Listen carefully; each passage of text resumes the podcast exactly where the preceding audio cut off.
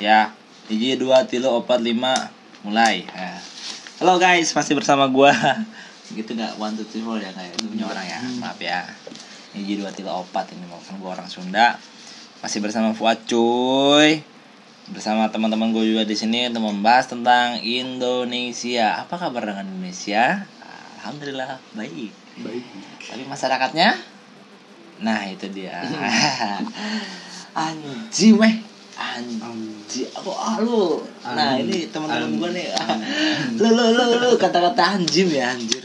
Atau kan anjay aja tuh kan banyak banget sampai-sampai eh, kayaknya lu pernah lihat nggak sih para petinggi-petinggi itu berkat- berkata-kata seperti itu? Hmm, ya kita nggak tahu ya kalau di depan.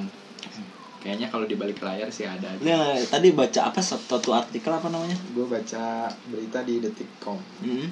Tentang sekarang anak yang meng, apa menggunakan kata anjay bakalan diadukan ke Komnas Perlindungan Anak Indonesia, Komisi Perlindungan Anak Indonesia, Bakal diadukan. Kenapa? karena dianggap merendahkan martabat manusia. tapi ya gini loh sebenarnya sih itu tuh ya kalau dari menurut gue pribadi kalau pemerintah bilang kayak gitu seolah-olah pemerintah tuh menilai kata anjay itu dari perspektif objek eh subjektif gitu. pandangan subjektif doang nggak nggak langsung nggak langsung nilai itu tuh apakah bener nggak- apakah itu benar-benar merendahkan atau enggak soalnya kalau di kalau di dunia orang-orang gaul kayak anak-anak Jakarta anak-anak kita kayak ini kata anjay itu kata-kata yang Luar biasa gitu. Nah, itu memilih itu tuh keren loh. Anjay. Lebih lebih tinggi dari wah, wah, wah luar keren biasa gitu. Di atasnya keren lah gitu. Anjay gitu ya. Itu. Kece- apa terus kalau misalkan merendahkan martabat manusia, apa kabar dengan orang-orang yang meng- me- mengatakan orang lain itu kalau misalkan dia bodoh gitu kan? Nah, Nah, Ya, itu tadi. iya. Gue sependapat sih. Iya, sependapat kan? Gue sependapat. Berarti nggak pas ya kalau misalkan kata-kata anjay itu di apa diadukan ke kurang komisi. pas sih. Mungkin mungkin pemerintah mainnya kurang jauh entah gimana. Cuma Emangnya kurang jauh. ya bisa jadi kurang jauh. Mungkin karena kebanyakan di kantor, jadi Hmm. nggak pernah main-main ke lingkungan-lingkungan yang agak keren dikit. Enggak, Kurang tapi dong. Nah, kalau kata gua kenapa sih harus ngebahas tentang itu gitu loh iya juga sih. Iya, benar. kenapa harus memikirkan hal seperti itu Sedangkan- itu kan bisa dikembalikan bisa aja memberikan edukasi kepada semua orang tua yang memiliki anak Hmm. Agar bisa mendidik anaknya dengan baik dan benar gitu kan? Betul. hanya sekedar mengedukasi loh. Heeh. ya kan? Kenapa gitu ya? Hmm, banyak nggak sih yang harus diurusin selain itu?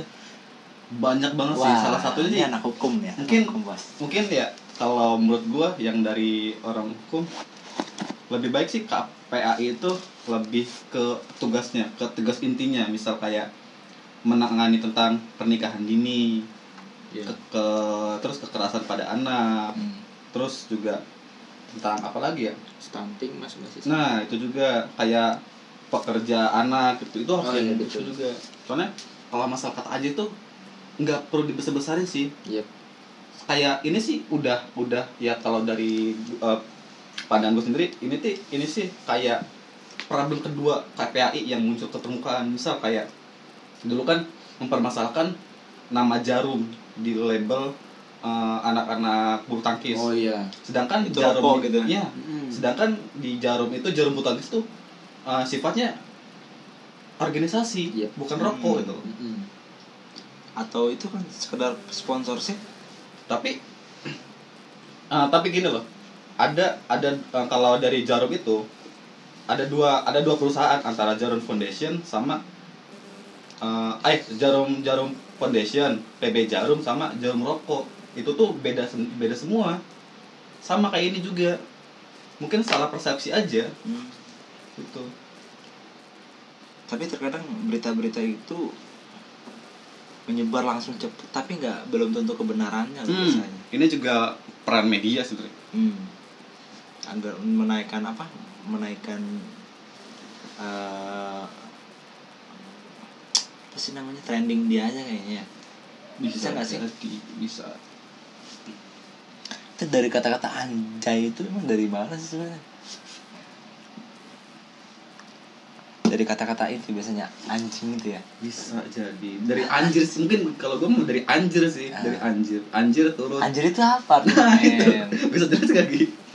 Kalau sepengalaman gua, dia pelesetan kata dasarnya asik kata Anjir. dasarnya. tidaknya kepleset gitu kan pas Iya. ngomong Jadi kan kalau kalau bahas bahasa kan pasti ada kata dasarnya dong, gitu kan. Hmm. Nah, anjay itu Kata dasarnya kata dasarnya mohon maaf ini ya, anjing nah gitu ya. Tapi yang tadi dibilang Kang Dera benar sih kalau menurut gua anjay itu merepresentasikan sesuatu yang wah gitu. Beda sama anjir. Kalau anjir masih bisa dianggap Enggak. eh, merendahkan juga gitu. Kalau anjir Ya. ya, bisa kalau anjir tuh kalau menurut gue punya dua arti.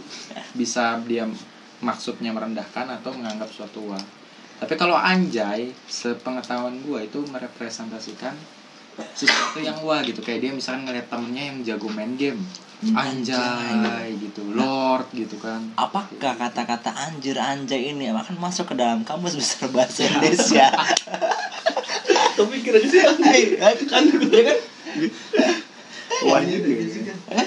Iya. karena mereka masing-masing memiliki arti itu sendiri loh menurut Iya. Yogi ini kan anjir itu merendahkan anjay itu membangga-banggakan sih, sebenarnya sih eh, kita sebelum itu tuh kita harus menyatukan persepsi dulu sih kata anjay sama anjir nih ke mana gitu loh. Jangan sam jangan masih banyak persepsi terus meng mendiskreditkan bahwa kata anjay ini mencer mencederai moral. Mm-mm. ya kalau misalkan kalau untuk masalah bahasa daerah kan biasanya beda-beda kan Hmm. wajar aja kalau misalkan di di Bos, coba ini aduh, kok gue jadi perusak di sini. Sorry guys. Bagus ya. dari kalau bahasa daerah sendiri kan dari Jawa dan Sunda kan ada istilahnya kalau di Jawa itu kasar kalau di Jawa Sundanya halus Iya. kan?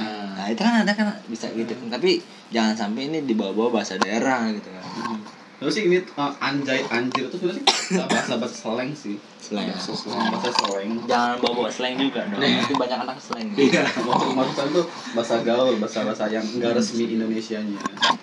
Bahasa bahasa tongkrongan. Ya mungkin bahasa anjay anjir tuh berkembang sekitar baru lima tahunan gitu. Yap. Sekitar segitu kan. Betul. Dan itu tuh ya hadir karena mulut dari mulut ke mulut. Bahkan kalau dulu kalau waktu gue masih ah, masih aktif main warnet ya dulu gue anak warnet nih ceritanya. gamers anak warnet Dulu dulu bahkan kalau waktu masih main warnet bukan anjay anjir lagi tapi langsung ke kata Binatang. dasarnya yaitu anjing gitu. Hmm. Tapi itu anak-anak nggak ada yang pernah sakit hati ya walaupun itu memang kalau ditangkap itu tidak wajar ya gitu kan. coba itu suruh pakai headset itu kampret Gitu. jadi tapi berarti yang gue mau ada satu pertanyaan dulu apa yang dimaksud dengan merendahkan moral orang lain itu kalau misalkan Dari dia kata anjay itu. nah enggak maksud gini kalau misalkan dia dikatain eh, nggak sakit hati Hmm. itu bisa dikatakan merendahkan nggak Tidak dong. Ya tergantung si pendengar dong. Nah tapi yang dikatain nggak sakit hati bor Kalau nggak sakit hati. Kalau nggak sakit hati ya enggak dong. Enggak dong. enggak ya berarti kita ngomong anjay pun nggak kalau misalkan nggak sakit hati pun nggak nggak bisa dikatakan merendahkan dong Enggak bisa. Ya makanya itu kita harus Terus itu yang mem- yang memperkuat apa merendahkan Ah, ah, meren- jadi kan nanti itu bakal dibentuk suatu apa namanya arti art Jadi gini loh, kita sebelum sebelum kita menilai orang lain itu terhina ataupun merendahkan moral, kita harus tahu dulu definisi anjing sebenarnya itu apa gitu loh. Kita nggak bisa menilai orang itu, lu ini udah udah ngerusak moral orang lain karena ngomong anjay. Ah, Ya sedangkan kita aja belum tahu definisi anjing sebenarnya itu apa. Sedangkan di masyarakat tuh Ah, iya, masih iya. masih banyak masih banyak persen persepsi bahwa anjay itu kayak gini, kayak gini. Pemerintah bilang kayak gini, sedangkan orang-orang anjay itu bilang keren. Gitu. Itu harus kita satukan dulu gitu loh hmm.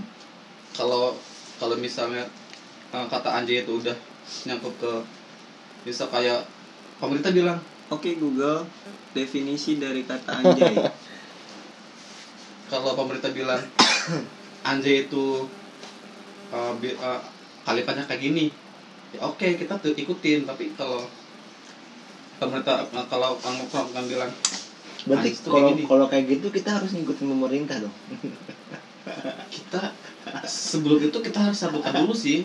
Harus harus tahu dulu. Ya kan kata itu kan nunggu kebijakan pemerintah. bukan bukan kebijakan sih. Kita harus cari titik temu sih. Cari titik temu definisi aja itu apa.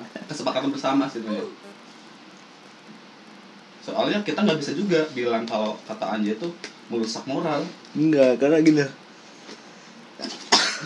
Eh, yang ini sih awal mulanya itu tuh apa gitu kan kata anjay itu kan. Karena misalkan kayak bahasa kita nih. Ini topi nih. nah, Yang pertama kali nyebut topi itu siapa kan?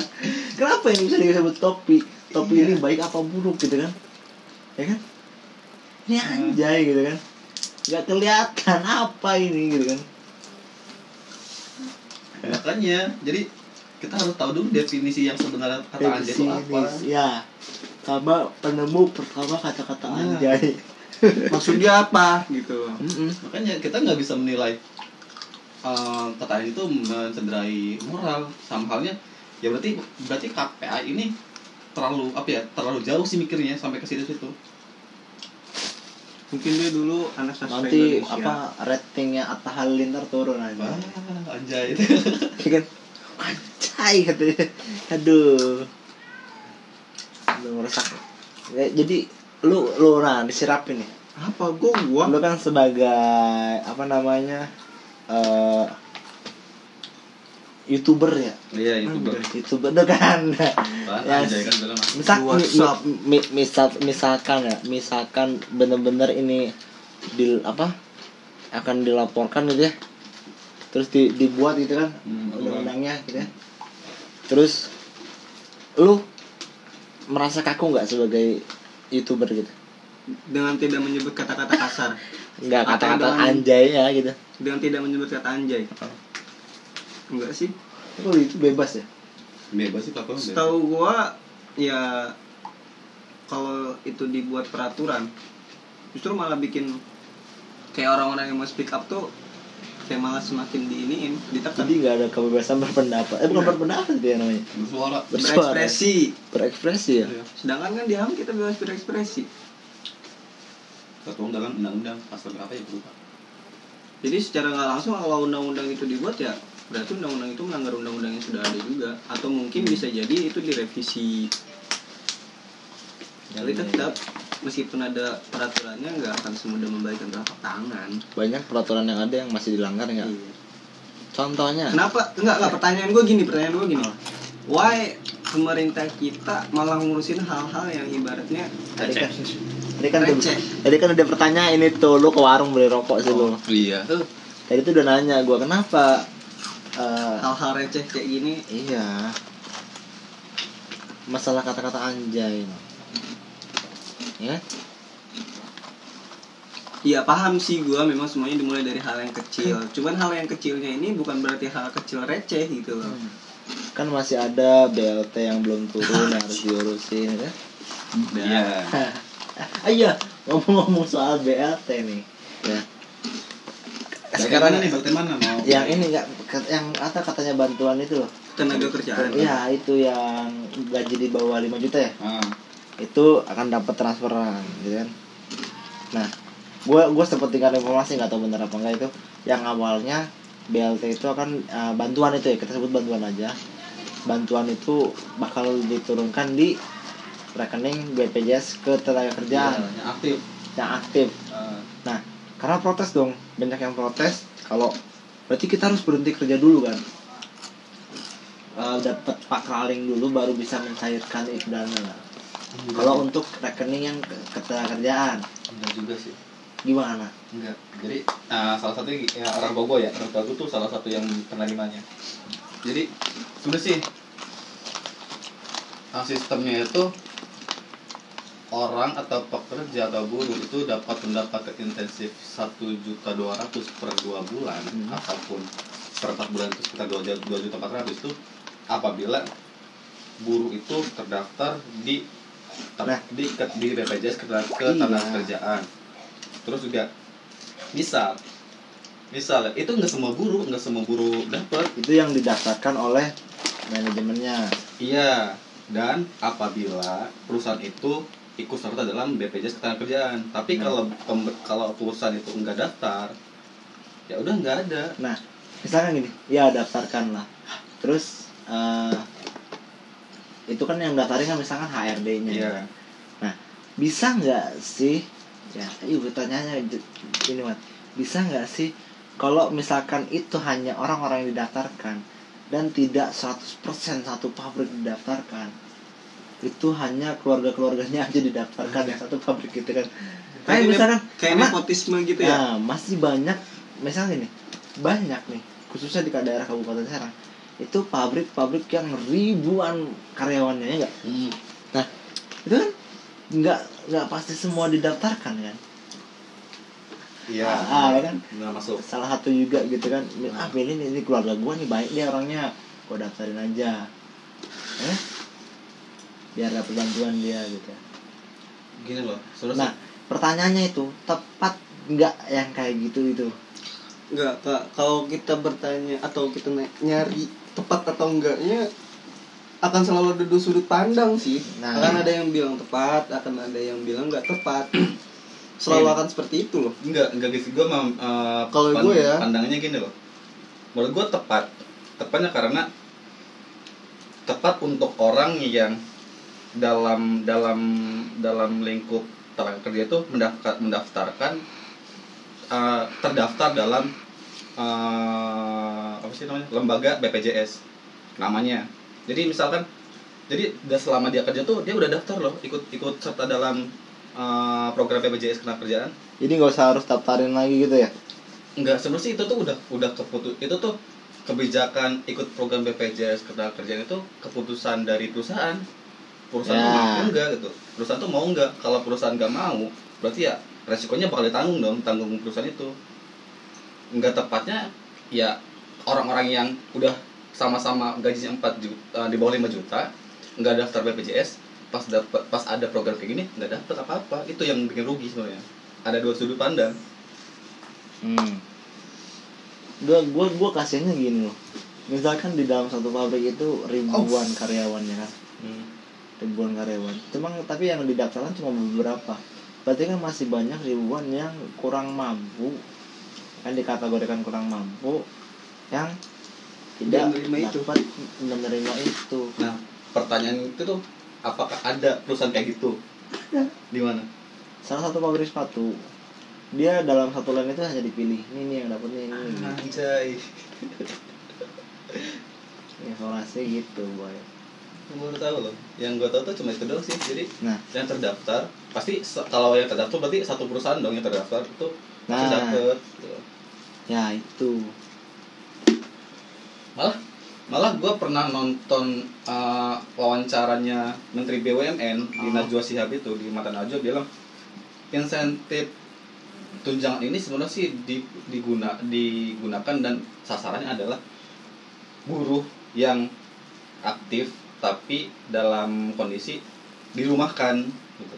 Maksudnya tuh dia masih kerja tapi dirumahkan diliburin gitu. Hmm. Itu. Tapi Nah. pas sekarang kok malah Kalau itu gue setuju. tuh. Kalau yang dirumahkan itu karena dia penghasilannya otomatis Kurang, kan? berkurang kan. Hmm. Pengeluaran bertambah gitu kan. Kalau itu gue setuju. Tapi kenapa sampai melenceng gitu kan? Gue gue gue jujur gue sendiri bekerja gitu kan. Dan gue sendiri belum belum dapet karena bank swasta gue boy. Nah dan gue pun baru baru didaftarkan kayaknya sama RJ gue jadi gue belum dapet belum ya kat- dikategorikan dapetnya itu eh, nggak tahu gitu kan. Tapi ya gue eh, menyayangkan banget gitu karena gua gua rasa ini pendapat gue ya kan bebas berpendapat. Ini gue kurang pas aja gitu sistemnya untuk bagi-bagi bantuannya gitu. Kan? Ya, ya sebenarnya sih kurang pas itu karena kenapa yang terdaftar di BPJS ke tenaga kerjaan doang? Kenapa nggak semua buruh kan maksudnya? hmm. Seharusnya kan kalau kayak gitu, Nah, pemerintah harus tapi bijaknya. ada juga loh buruh yang nggak mau didaftarkan BPJS ketenagakerjaannya karena potongan tiap bulannya iya potongan tiap bulan tuh sekitar 250-an Heeh. bulan nah itu tapi giliran kayak gini dia rugi kan hmm. itu sih apa ya? Gua rasa aduh. Tapi kalau menurut gue sih ya menurut gue kalau dari kacamata gue sendiri yang lebih enggak tepat sasaran tuh yang dari desa. Itu yang jauh dari tepat sasaran. Mana tuh. Itu lebih lebih ke KKN banget. Kelompok kerja mahasiswa. Oh bukan. Enggak yang itu yang kan bantuan dari desa dari desa yang 600 per per keluarga itu menurut gue lebih Oh iya, enggak, itu. lebih enggak tepat sasaran. Karena ya itu mah mikirnya yang keluarga gua ya gua gitu. Yang dekat sama pihak desa itu yang bakal dapet. Tapi yang jauh dari pihak desa nggak bakal dapet. Nah enggak ini tuh kecuali nah ini kan ada kategorinya kan. Itu kan balik lagi ke desanya sih sebenarnya. Ya kan hmm. balik lagi ke desanya dia dapat ban- da- bantuan berapa persen? Ini kalau di di sini ya Nah, kalau di sini ada pendataan. Yang pengangguran yang yatim piatu iya, yang lansia yang kan lansia itu dapat itu didaftarkan. Hmm. kayak misalkan kemarin pemberitahuannya di RW gua aja itu diajukannya itu 90 orang. RW doang atau RW 9 kali 6 udah 36 juta ya?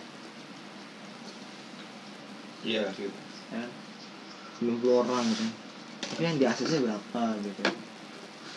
Eh 96 apa berapa ya? Pokoknya ngajuin banyak aja. Tapi ada yang ada yang di ACC ada yang enggak gitu kan. Itu kalau di sini ya. Jadi ya gua rasa gini loh.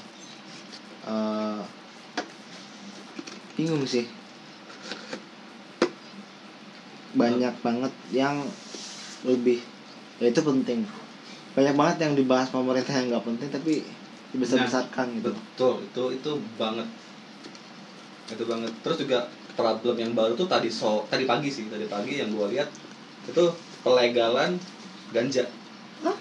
kalau ganja itu bi- dibilang tanaman obat yang bisa bermanfaat untuk uh, penyakit lain. Serius? Cek cek aja tapi sore tadi dapat laporan lagi surat itu ke SK-nya ditarik ditarik kembali. Jadi ganja itu nggak jadi legal. Hmm. sebelum ada diskusi dengan BNN tuh.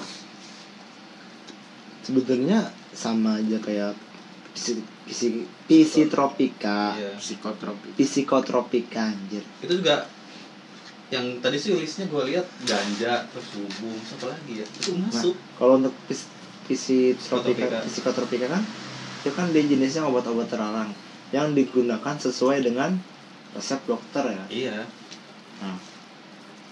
Kalau di dunia obat-obatan sih ya itu untuk pembuatannya masih beberapa perusahaan masih jalan untuk pembuatan obat-obatan psiko, psikotropika karena itu disalurkannya pun ke dokter dan sesuai dengan resep dokter gitu kan. Tapi gue nggak tahu nih kalau misalkan ganja kayak cubung gitu kan dilegalkan atas dasar apa? Tapi kalau kecubung sih yang menurut gue sih kalau kecubung tuh boleh boleh ditanam sih kalau kecubung. Soalnya kan gue lihat di daerah mana pun kecubung tuh ditanam di kadang-kadang di depan rumah di dalam rumah kalau kecubung. Walaupun efeknya tuh gede banget kalau di kalau makan cubung kayak gimana sih bulat. Buahnya bulat. Bulat bulat berduri itulah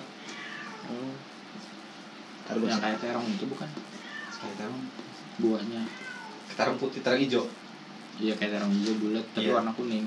Iya. Oh itu. Soalnya kan itu tuh nggak apa-apa walaupun aturannya yang kayak gitu tuh yang yang bakal yang punya efek samping berhalusinasi itu dilarang kan. Tuh. Hmm. tapi iya ya tadi sore eh tadi pagi lihat kaget dong di IG dilegalkan. Tadi mau nanam tuh tunggu tunggu. Yang memiliki efek samping halusinasi dilarang. Berarti gua nggak boleh ngebayangin cewek dong. Itu normal bos. Bukan halusila halusinasi. Itu ngebayangin. Oke balik lagi.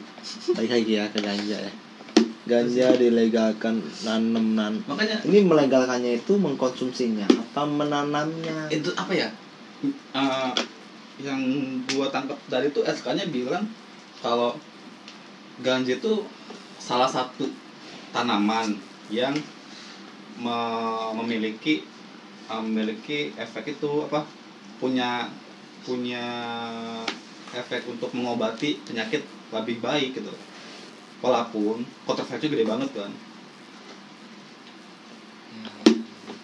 nah kalau misalkan ya kecuali itu daun diolah lagi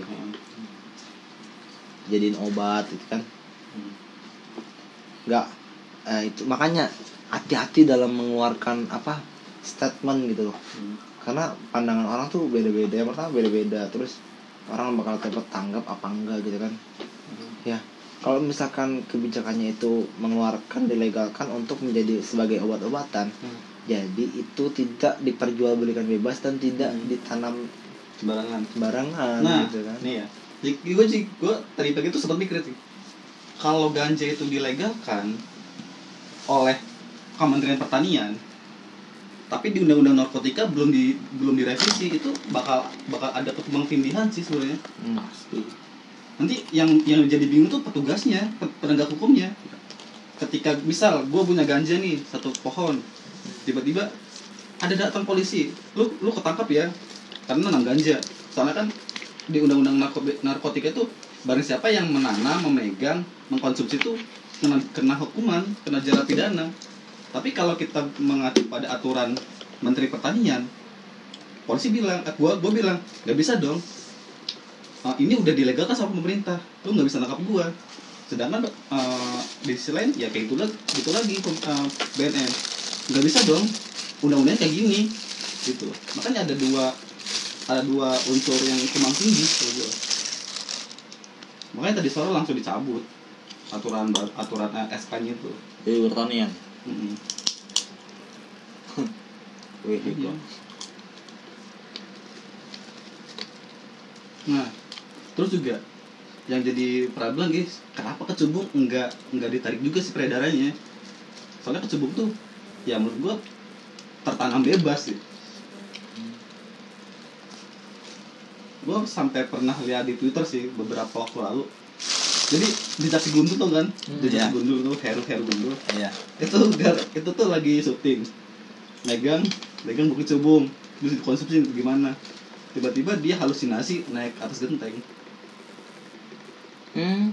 Coba aja kalau mau percaya Heru Heru jejak si gundul gitu kan itu halusinasi gara-gara kecubung. Dia ngehirup.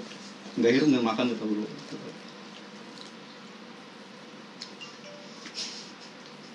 Terus sih banyak sih kalau kalau dibilang yang berhalusinasi itu. Kayak magic mushroom juga tuh bahaya banget. Hah? magic mushroom. Ya ahli banget kayaknya. magic mushroom itu jamur yang tumbuh dari kotoran-kotoran hewan ternak Ah. itu tuh membuat halusinasi jauh lebih lebih gitu. Iya, iya. makanya itu tuh itu tuh dilarang itu banyak sih kan gue bingung itu tuh kenapa nggak semua dilarang aja ya walaupun aturan itu yang bikin halusinasi Sebenarnya balik lagi ke manusianya sih. iya sih Udah tahu itu bahaya loh. Ngapain dikonsumsi kan? Apa gitu? Ini yang di K- apa KPA ya? Ada apa ya? KPA KPA ya? AIDS Itu na- narkoba masuk gak sih, Bos? enggak ya Bos. Woi. Di KPA narkoba masuk gak, Bos? Kagak lah. Enggak ya? Nggak dong. ya. Berarti BNN. Oke guys, udah setengah jam berlalu deh episode pertama gua. Ya, kita berdoa yang terbaik buat Indonesia, semoga makin jelas. ya, iya jelas ya pokoknya jelas segala-galanya dah, semoga Indonesia makin maju, nggak berkembang.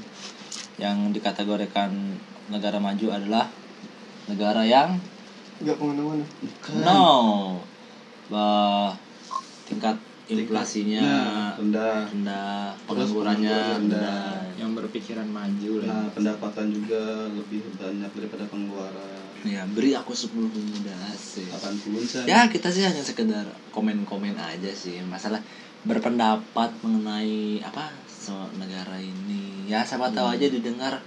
Ya jangan ambil sisi, sisi negatifnya tapi ambil sisi positifnya enggak? Karena Betul. kita menilai orang lain itu eh menilai diri kita sendiri dari pandangan orang lain gitu kan. Nggak mungkin kita ngaca kita nilai eh lu jelek amat sih kan? Nggak mungkin gitu pasti kalau kita nilai diri kita sendiri kita oh katanya ganteng gitu. Coba kalau orang nilai-nilai jelek amat ya kita wajar terima gitu kan. Yang penting saling terima saling legowo gitu. Mungkin itu aja coy dari gua dan teman-teman gua. Sampai ketemu di episode berikutnya. One two eh one two itu mau punya orang. J dua tilo eh J dua tilo empat lima ngesan. Berhenti